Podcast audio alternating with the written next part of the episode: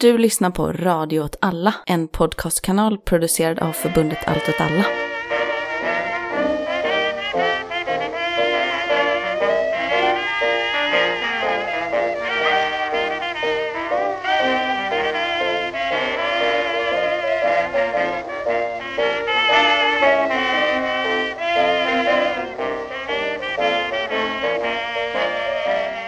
Du lyssnar på Vad händer Gbg? En podd om lokalpolitik i Göteborg från ett vänsterperspektiv och med mig har jag Johanna Hallå! och Jakob Jajamän.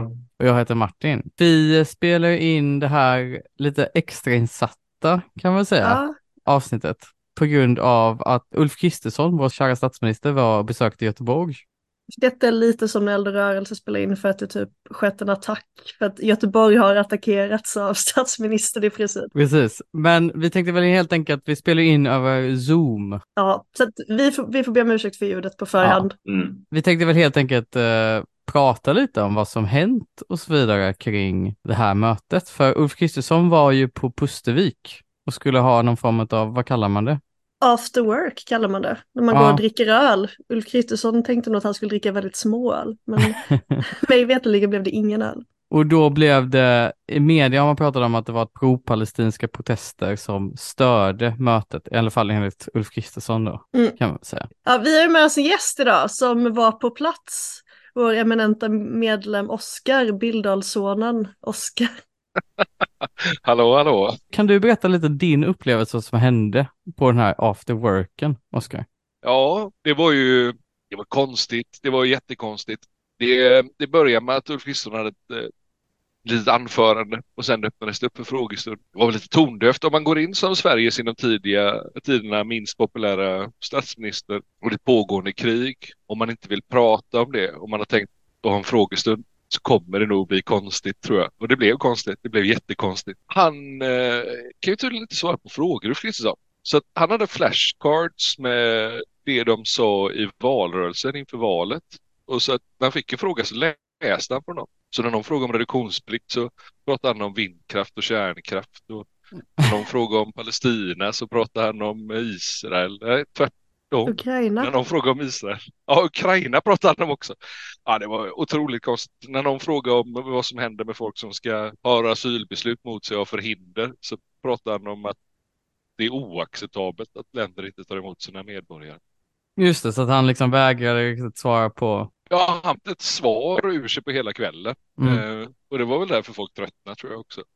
Eh, för det var tydligt att folk tröttnade på att lyssna på honom efter ett tag. Det är väl så när någon bara pratar snickericksnack så blir det tröttsamt. Ja, och det här har då beskrivits i efterhand i princip som det mest odemokratiska som någonsin hänt. Moderaterna är asförbannade. Tycker ni att det kändes som det mest odemokratiska som hänt? Det var väl en av de mer demokratiska grejerna. Jag kan nog tycka det är hedervärt av en politiker att eh, faktiskt komma lite i närkontakt med väljare. Eh, både sådana som röstat på dem inte. Så att eh, det var väl det var väl i allra högsta grad demokratiskt. Det är ju inga konstigheter. Eller så här, det kan ju inte vara en överraskning för honom att, att alla inte gillar honom. Det har ju gärna synts i opinionsundersökningarna. Men Jag har ju läst lite om detta på x.com, före detta Twitter. Och varför hyllade ni Hamas, ni som var där? Nej, det, det var ju påståendet som gjordes efteråt att alla, eller de flesta som var där, var där och hyllade Hamas. Vilket ju, ja, de verkar tolka det som om att man buar Kristersson innebär att man stödjer Hamas. Och det är ju ett ganska långt hopp att ta. Men givetvis är det så de ser på världen så uppfattar de väl alla som inte liksom klappar i händerna åt Ulf Kristersson som Hamas-supporter. Men det är ju bara orimlig hållning liksom. Folk buar ju åt Kristersson för Kristersson var dålig. Det hade ju ingenting med Hamas att göra. Nej, det var väl precis, precis efter han hade sagt något i stil med vi fördömer Hamas och då buar folk. Ja, men det var ju hela frågan handlar ju om liksom hur Kristersson och regeringen ställer sig. För, för eh, det var någon som lyfte frågan i stil med eh, Tycker ni fortfarande att eh, Israels agerande är proportionerligt och konstaterar självförsvar? Och då bara prata ganska länge om Hamas eh, och, och vill inte, överhuvudtaget inte ta i Israel och eh, återupprepade tidigare talepunkter om att eh, Sverige och EU har en linje och sånt där. Eh, och det var ju därför folk buade för att han inte ens liksom ville gå nära den frågan. För det, ja, det vore ju bättre att han inte sa någonting i så fall. va, hur slutade det hela då? Gick Ulf Kristersson därifrån nöjd och belåten med sin lilla, lilla öl? Jag tror inte han var så glad. Han såg, eh, han, hela stämningen på honom hela kvällen var ju den av en eh, lärarvikarie som inte har någon auktoritet. Det var ju känslan. Han stod väldigt putt med händerna i sidorna och stirrade på folk eh, väldigt länge för att de skulle bli tysta. Eh, och det slutade med att han sa någonting i stil med att jag tänker inte ha ett möte med er som inte vill ha ett möte. Jag ska ha ett möte med de som vill ha ett möte så kan ni som inte vill ha ett möte vara kvar. Och så gick han av scen. Men hade han ett möte med de andra sen? Äh, De väntade kvar eh, tålmodigt. För full disclosure, jag var ju också där. Och vi hade ju många moderata superstjärnor som dröjde sig kvar i lokalen och hoppades att de skulle få en eh, glimt av den stora ledaren. Eller ja, den något kortväxta ledaren, men likväl stor i deras ögon. Ja. Eh, men han kom ju inte tillbaka. Så Axel Josefsson stod ju där i ett hörn och tryckte och bara hoppades att Ulf skulle komma tillbaka. Är det sant? Och istället för att få skaka hand med Ulf Kristersson så fick han skaka hand med någon jävla idiot i hantverkare som var där framme och beklagade sorgen. Var det du? Det var jag. Ja men det, det, det finns väl massa olika berättelser om det här mötet. Det här mötet håller på att bli lite mytomspunnet, men från politiskt håll så har det börjat bli en het potatis, eller hur? Det verkar väl lite som att Moderaterna kör linjen också att hela Göteborg har masssupportrar så att det har ju blivit lite personligt också för den här podden. Att det på något sätt lastas Göteborg för att Ulf Kristersson kände sig kränkt. Olika moderater har uttalat sig i det här. Vid scenen när eh, Ulf Kristersson då, eller både före och innan, Mm. så var det en eh, korpulent man i rosa slips som stod och poserade för väldigt många bilder. Mm. Eh, och det visade sig då i efterhand vara gruppledaren för Moderaterna i Västra Götaland tror jag. Ja, eller ordföranden för eh, Moderaterna Ah! i Västra Götaland. Mm. Ordförande ja, Mm. Johan Abrahamsson. Och han har ju efteråt beskrivit det här som upptakten till förintelsen i princip. Han sa att eh, eh motdemonstranternas agerande, eller vad man ska säga, mötesdeltagarna som inte var moderaters agerande påminner om Nazityskland. Ja, sa han inte till och med att det var som nazisterna under andra världskriget, alltså det här kriget under kriget? Alltså det var inte innan nazisterna ens blev valda, utan det var det var till och med liksom full-blown nazister. ja, alltså, alltså, man känner ju spontant som att hans historiebok i skolan, att den måste så saknas några sidor där emellan. Eh, liksom, jag vet inte, eh, arbetarrörelsen, så här, demokratirörelsen och andra världskriget, så han har liksom blandat ihop de här två grupperna. Han tänker kanske att det som var problemet med nazisterna det var att de inte respekterade andras mötesfrihet. och det är därför vi skriver om dem i historieböcker nu. Eller så han, tror han att liksom Sofie Scholl och det gänget, det var, han tror att det var nazisterna. Ja, jag tänker också att han är den typen av man som eh, alla oförrätter liknas liksom vid eh, typ eh, förintelsen. Så att han är så här, om han typ blir nekad och köpa en öl på krogen för att han är förpackad så ska han liksom dra det till att han är som judarna under förintelsen typ. Alltså det är en man utav proportioner. Alltså Niklas Claesson som är chefombudsman på Moderaterna i Västra Götaland. I Studio 1 eh, idag så eh, diskuterade han med en annan person som var på mötet, Matilda Brink Larsen. Och då hade väl Matilda Brink Larsson uttryckt sig något i stil med att, eh, ja, men att Moderaterna hade ett ansvar i hur, eller Ulf Kristersson hade ett ansvar i hur han agerade, att han liksom inte tog den upprörda stämningen som var på mötet, att han inte tog den riktigt på allvar. Och då ansåg han att det var lite som att skylla ett våldtäktsoffer, att det är hennes skull att hon blir våldtagen. Ja, det var lite konstigt alltså. Det, men han verkar ju säga då liksom att, eh, att säga att Ulf Kristersson på något sätt hade något ansvar i stämningen på mötet, eh, att det, det var samma sak. Men hur upplever du det Jakob som bara sett det utifrån? Det är ju väldigt kul, är det. Jag har fr- främst suttit och fnissat för mig själv, men eh, det märks ju tydligt att folk vill vinkla det på sina sätt. Och framförallt Moderaterna, och det är ju väldigt starka utlåtanden om att det är liknelser med Nazityskland. Och... Men som alla andra, så det är ju, alla går ju runt och pratar om det liksom. Så uppenbarligen är det en stor grej. Det är konstigt också att det var så synd om Ulf Kristersson, att han liksom målades ut som någon slags martyr när han faktiskt är Sveriges mäktigaste man. Jag vet inte riktigt vad, varför, varför är maktbalans, varför, varför är det till Moderaternas fördel att framställa maktbalansen som att Ulf Kristersson är ett offer i det här när han någonstans ändå är kanske liksom, han ska, han ska ändå leda Sverige. Han måste ju ha någon typ av auktoritet. Ja men det är ju det som är det konstiga med det här, att Ulf Kristersson eller Moderaterna gör detta till en form av stridsfråga. Han tar upp det här om och om igen. Borgerliga ledarskribenter skriver ledarsidor om det. Men allt det handlar om är ju att Ulf Kristersson hade ett möte i Göteborg och det var en massa människor i Göteborg som inte gillade att han var där. Och så stack han därifrån. Men de var väl så oförberedda också för att det här, det här mötet, eh, det offentliggjordes ju liksom inte i breda folklagren utan det var ju verkligen bara i interna kanaler, a.k.a. Mm. Eh, Moderater Göteborgs Facebooks och eh, Instagram. Så att de mm. tänkte väl inte att det skulle komma sådana brutes liksom. De tänkte att det bara skulle vara så god stämning och babyrosa mm. och babyblått och vad fan de har på sig nu för tiden. Men på min tid så var det bara bebisfärger i alla fall. Det skulle vara go good vibes only. Men Matilda Brink Larsen är ju då också hon är ordförande för Agape som är en organisation som jobbar med papperslösa. Mm. Uh, och hon ställde ju också en fråga uh, som överhuvudtaget inte bemöttes på ett respektfullt sätt. Där Ulf Kristersson låtsades som att han inte visste typ. Vad var det för fråga? Hon uh, frågade vad liksom planen var för dem som har ett asylbeslut mot sig och då ska utvisas, men där det föreligger förhinder då av någon anledning så de inte kan utvisas. Eh, och de hamnar ju i limbo då och då var ju frågan, vad är planen för de här människorna? Och då eh, körde ju Ulf en lång grej där han la ut texten om att folk söker asyl och får avslag och de ska utvisas och de har minskat invandringen och det är oacceptabelt att länder inte tar emot sina medborgare och, så vidare. Då är det ganska långt stund. Det var ett mm. väldigt långt svar, men som aldrig liksom berörde hennes fråga, det vill säga vad gör vi?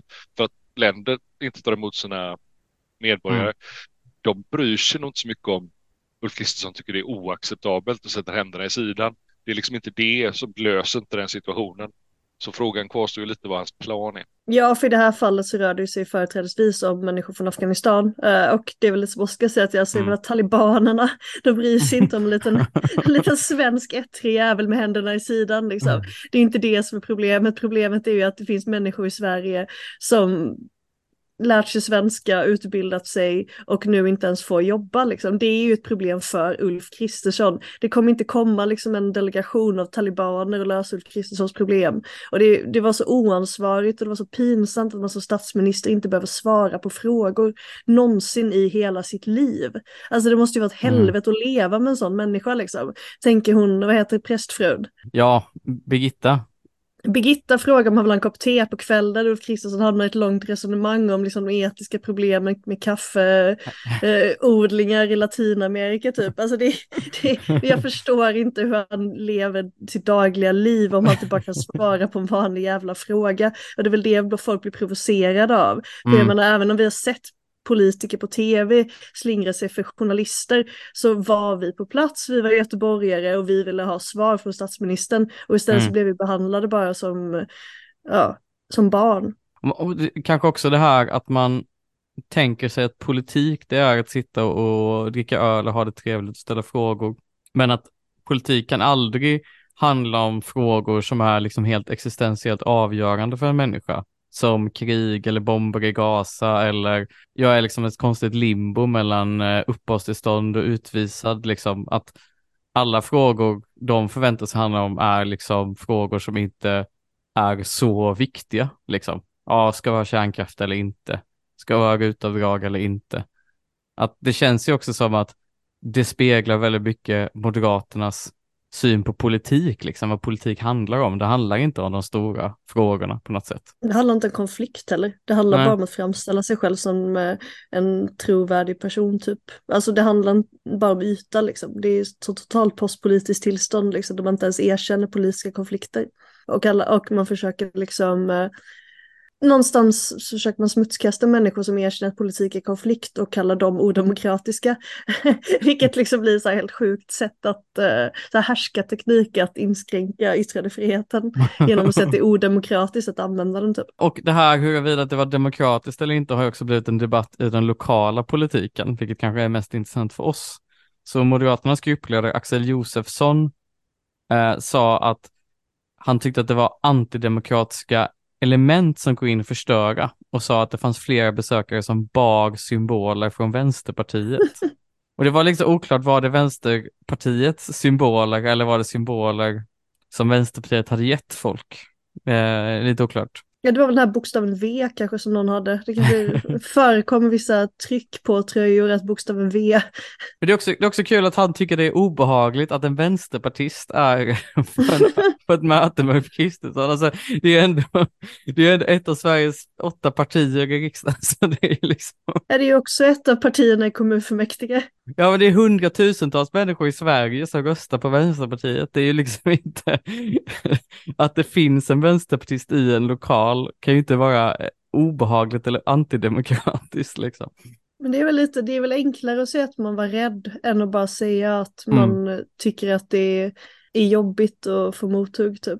Om man framställer motståndarna som liksom barbarer så är det lättare att eh, argumentera mot än om man framställer dem, liksom erkänner liksom, dem som en politisk motståndare. Elisabeth Land från Kristdemokraterna pratar om eh, mötet så här. Jag har inte sett den här typen av beteende på länge. Vänsterrörelserna gjorde upp med sina antidemokratiska element efter EU-kravallerna 2001, men de senaste månaderna har det blossat upp igen. Så menar hon att det här är samma sak som att typ kasta sten på polisen? Ja, Mm. det faktum att det finns människor som bryr sig om Palestina och att det finns människor i Göteborg som tycker att det är en viktig fråga att man inte bombar Gaza har gjort att folk blir helt jävla tokiga.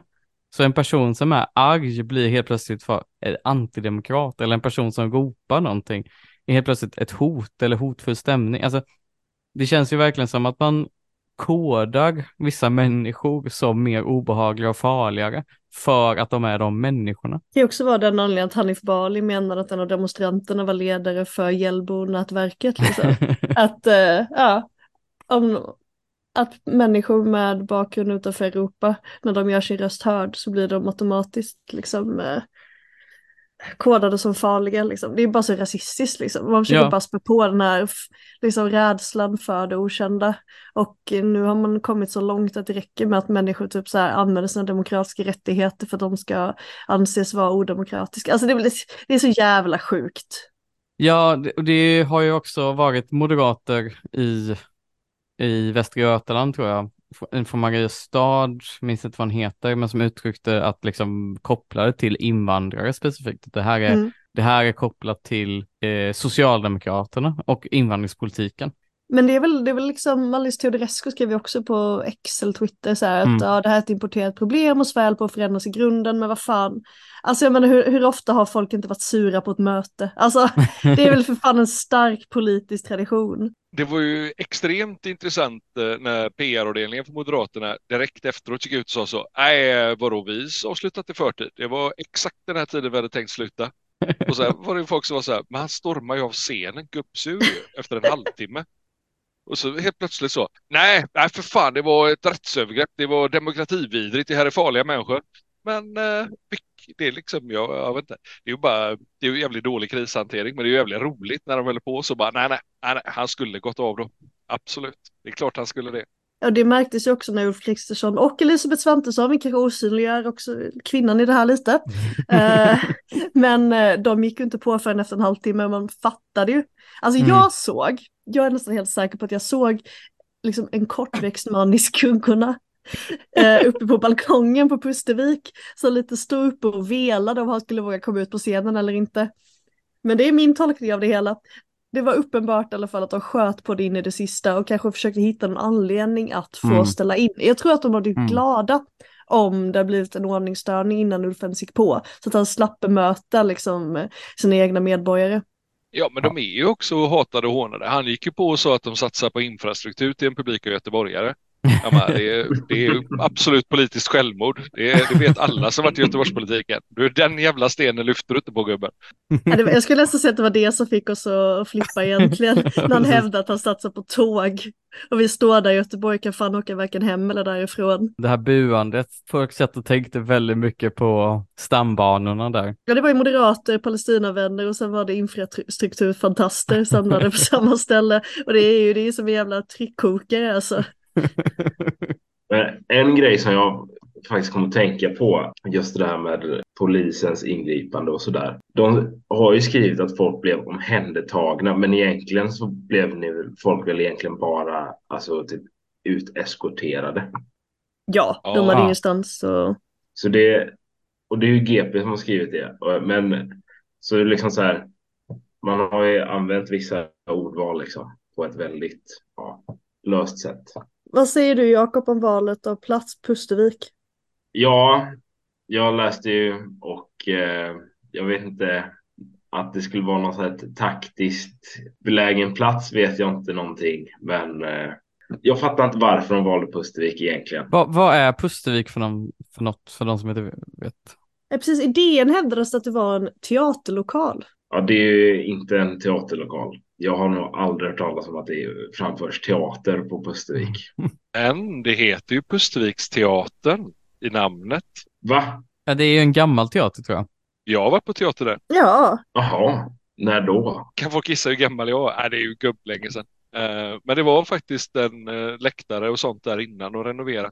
För, det, alltså, för de som inte vet vad Pustervik är så är det, kan man säga en indie-bar, liksom en indie-rockbar typ, med spelningar och... indie-rock, ja det är en konsertlokal. Ja, Ja, konsertlokal skulle jag säga. Inte, jag vet inte om det är Indie-rockbar! Okej. indie, ja, ja, ja. ja. indie rockbar. Men absolut. Ja, och sen är det beläget då liksom bredvid Folkets hus och sådana grejer. Och Järntorget. Och det är inte väl supermoderat stämning på Järntorget. Nej, de rev ju nyligen ett hotell som är ett av de första som August Palm höll ett av sina tal på. Eh, Det är ju verkligen liksom en plats där, det är Göteborgs röda hjärta. Liksom. Ja, SAC har sin lokal där, Vänsterpartiet, Kommunistiska partiet, Socialdemokraterna, Folkets hus. Alltså det är verkligen vänsterns liksom, centrala gator. Typ alla LO-fack har också sina, alltså det är, Ja, ABF. Arbetarrörelsens folkhögskola. ja, Mm. det, det är verkligen en koncentration. Ni hör! Det är ingen plats för borgare. Men problemet för dem är väl att det inte finns någon plats för borgare eh, där de bor. Alltså de har ju inga, de, de bor ju alltid så här konstiga ställen och där finns ju inga sådana här lokaler. De har liksom inte en stor eh, konsertlokal i Hovås liksom. Vilka band skulle spela på en eh, moderat-ledd eh, spelkonsert eller spelställe? Dabas. Det är väl det som är problemet med hela grejen. De här människorna hatar ju kultur, går inte på kultur. De har inga sådana här lokaler för att de inte skulle använda dem till någonting. Det, det är ju liksom symptomatiskt för deras klass liksom att de så här vill ha sina egna jävla slott liksom. Men det är kanske det de skulle gjort. De skulle tagit den rikaste jäveln så kunde de bjudit in Ulf Kristersson dit. Kunde han stått så där och pratat i vardagsrummet så hade han fått hejarop av alla. Kanske Peje Emilsson hade kunnat klappa honom på huvudet när han var klar. Det är rekommendationen till nästa gång Ulf. Kom inte tillbaka till Göteborg men om du gör det, Ja. åk hem. Nej, för fan kom tillbaka. Mer sånt här. Det tycker jag. Fan visa vad du går för nu Uffe. Visa att vi hade fel. Visa att du fan kan eh, svara på frågor. Kom igen nu. Vad säger det här om Göteborg som stad då? Att statsministern eh, blir utbuad och måste lämna? Nej, men jag tycker ändå det är bra. Det visar på att det finns mycket människor i den här stan som faktiskt bryr sig om vad som händer. Inte bara lokalt, men också hur vi agerar i utrikespolitik och sådär. Men jag, jag tänker på det att, att jag tror att den stora frågan är egentligen, det, det, det som egentligen provocerade mig, jag var ju inte där, men jag såg ett klipp när Ulf Kristersson, när han, jag tror och gissar på att det här var i slutet, in, lite innan han gick av, men när han säger något i stil med att bara för det händer massa saker där borta, så betyder inte det att det ska vara, också finnas här och skapa oenighet här eller någonting sånt. Och jag tycker det är ett så djupt oförstående för vad det handlar om. För att det som händer i Gaza händer ju inte bara där, det händer ju i Göteborg också. Mm, absolut. Såren från Gaza händer ju i Göteborg. Människor som har ja, släktingar, vänner, familj, göteborgare i Gaza. På samma sätt som att Nackban, såren från Nackban finns ju också i Göteborg. Såren från eh, kuppen i Chile hände också i Göteborg. Alltså förintelsen, har, såren från förintelsen finns också i Göteborg. Och såren från 7 oktober-attacken finns också i Göteborg. Alltså hela idén om att saker som händer utomlands inte berör oss i Göteborg, berör oss göteborgare tycker jag ju är helt, men den är liksom helt människofrånvänd liksom. Mm. Det har ju också dött, alltså det är ju två barn minst liksom från Göteborg som har dött i Gaza. Alltså Mm. det är ju så otroligt okänsligt och så fruktansvärt vidrigt och som statsminister har så liten ambition att eh, ena människor liksom. Och Ja. att se större. än sig själv. Det är liksom, han, han är för fan statsminister för alla. Alltså det är, det är klart att vi ogillar honom för han är moderat också, men det är liksom, det är också så ovärdigt överhuvudtaget. Man måste ändå kunna ha någon typ av minimikrav på vad man ser som sin roll som statsminister. Mm. Och att då totalt, liksom, för att han sa ju också så här, ni delar inte Sveriges syn på den här konflikten. Och i det så var det så, det var så implicit att han menade inte liksom den svenska regeringen utan han menade Mm. svenskar. Han menade att Mm. vi svenskar, vi stöttar Israel för att de påminner mest om oss. Liksom. Mm. De är inte muslimer. Men ni, ni muslimer, ni kan aldrig förstå det för ni är inte svenskar. Alltså, jag tycker det fanns Mm. något implicit i det som Mm. också gjorde att jag kukade ur i alla fall. Ja. för att det var så jävla vidrig sak att säga. Jag tycker det verkligen är relevant liksom för att det känns som att en av anledningarna varför man sprider det här handlar ju om, okej Moderaterna framstår som, eller Ulf Kristersson framstår som en jävla tunt liksom i allt Mm. detta. Han framstår som en person som liksom inte kan hantera eh, massa människor, men de tycker ändå att det här är värt att ta upp för att, ja det var massa invandrare där i, Mm. på det mötet. Det var människor med brunt hår. Han underkänner ju också lite hela poängen med politik och sånt där när han sa så här. Ni kommer aldrig kunna övertyga mig om att jag har fel och jag kommer aldrig kunna övertyga er om att ni har fel. Då blir man lite så här, du har ju fan inte ens försökt Uffe. Eh, eller så här, jag menar, det ingår ju lite i uppdraget som statsminister tänker jag att man eh, faktiskt ska försöka lägga fram lite argument Mm. som kanske kan övertyga folk. Att bara nöja sig med så här, ni tycker inte som mig så fuck you, nu drar jag. Det är jävligt konstigt alltså. Det är också lite olyckligt för att eh, jag blev då intervjuad i GP Mm. eh, innan idag för att ge min sida av saken eh, och då framhäva att Ulf Kristersson inte svarade på frågor. Mm. Och till en början så fanns det ett kommentarsfält där under. Mm. Eh, Där diverse män med gubbnamn förolämpade mig. Ja, det verkade som att de tagit bort kom- kommentarsfältet, Nej. jag kan inte hitta det. Så det verkar som att min uppenbarelse provocerade mer än uh, känslor efter flumride. det är lite full circle att, att du har blivit föremål för GPs kommentarsfält Ja. liksom. Ja, det, Det är faktiskt otroligt roligt. Ja, Det är väldigt roligt. Det var mycket så här med att jag sitter på ett plan till Nordkorea med Palestinavänner. Jag tror också att han Bruno, han fascistapologeten och broddarhataren i Moderaterna hade lämnat en kommentar. Är det sant? Ja, Alltså, den italienska juristen. precis. Så det är fantastiskt att jag känner mig sedd äntligen. Ja, men jag, jag tänker ändå att det är liksom, för att förstå de här händelserna så är det också relevant att förstå just, alltså det, att det lokala är kopplat till saker som händer utomlands liksom. Och de känslorna som Ja. uppstår. Det handlar inte bara om humanism liksom, vilket det handlar om också liksom, men det handlar liksom också om de faktiskt reella, konkreta erfarenheter och upplevelser människor har liksom. Eh, Ja, och det handlar också om att Sverige mitt under brinnande krig slutit ett jätte, jättedyrt avtal med Elbit Systems, ett israeliskt vapenföretag som bland annat tillverkar drönare som används både vid liksom, kriget i Gaza men också vid så här, eh, Fort Europa. Mm. Eh, och de har ju öppnat en filial i Göteborg, i Kallebäck. Mm. De fraktar ju antagligen drönare i hamnen. Mm. Alltså det är väl i allra högsta grad någonting som Göteborg är en del Mm. av.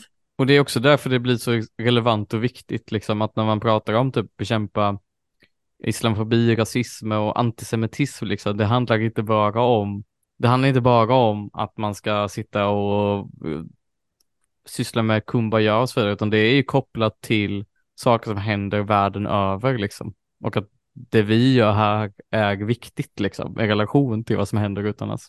Ska vi avsluta där kanske? Ja, vi kommer tillbaka 7 december. Ja, 7 december. Vi har adventsavsnitt och chanukka tror jag börjar den eh, 7 Oj, oj, december. oj. Ja. Och var kan man eh, följa dig Johanna? För Jag hatar att säga X. Jag är med i GP så jävla ofta nu för tiden så ni får följa med där. Var snabba bara, så inte kommentarsfältet stängs. Exakt, så ni kan förelämpa mig lite. Jakob, dig följer man på Men gatan. gatan. Oskar, Mm. vill du plugga någonting? Ja, om man ser en bil som det står kanal på så kan man ställa sig framför K så står det anal. Det har Ja. Patrik Sjöberg gjort och det är en stolt tradition vi ska hålla vid liv. Jag tänker väldigt ofta på det när jag är sur på det Oskar, att jag ska ta med lite så här vit färg. Du är inte den enda. Det är väldigt populärt. Jag, eh, Man kan följa mig på Blue Sky som jslaibach.bsky.social. Och sen så säger vi tack och hej. Ja, på Hej återseende. då! Hej.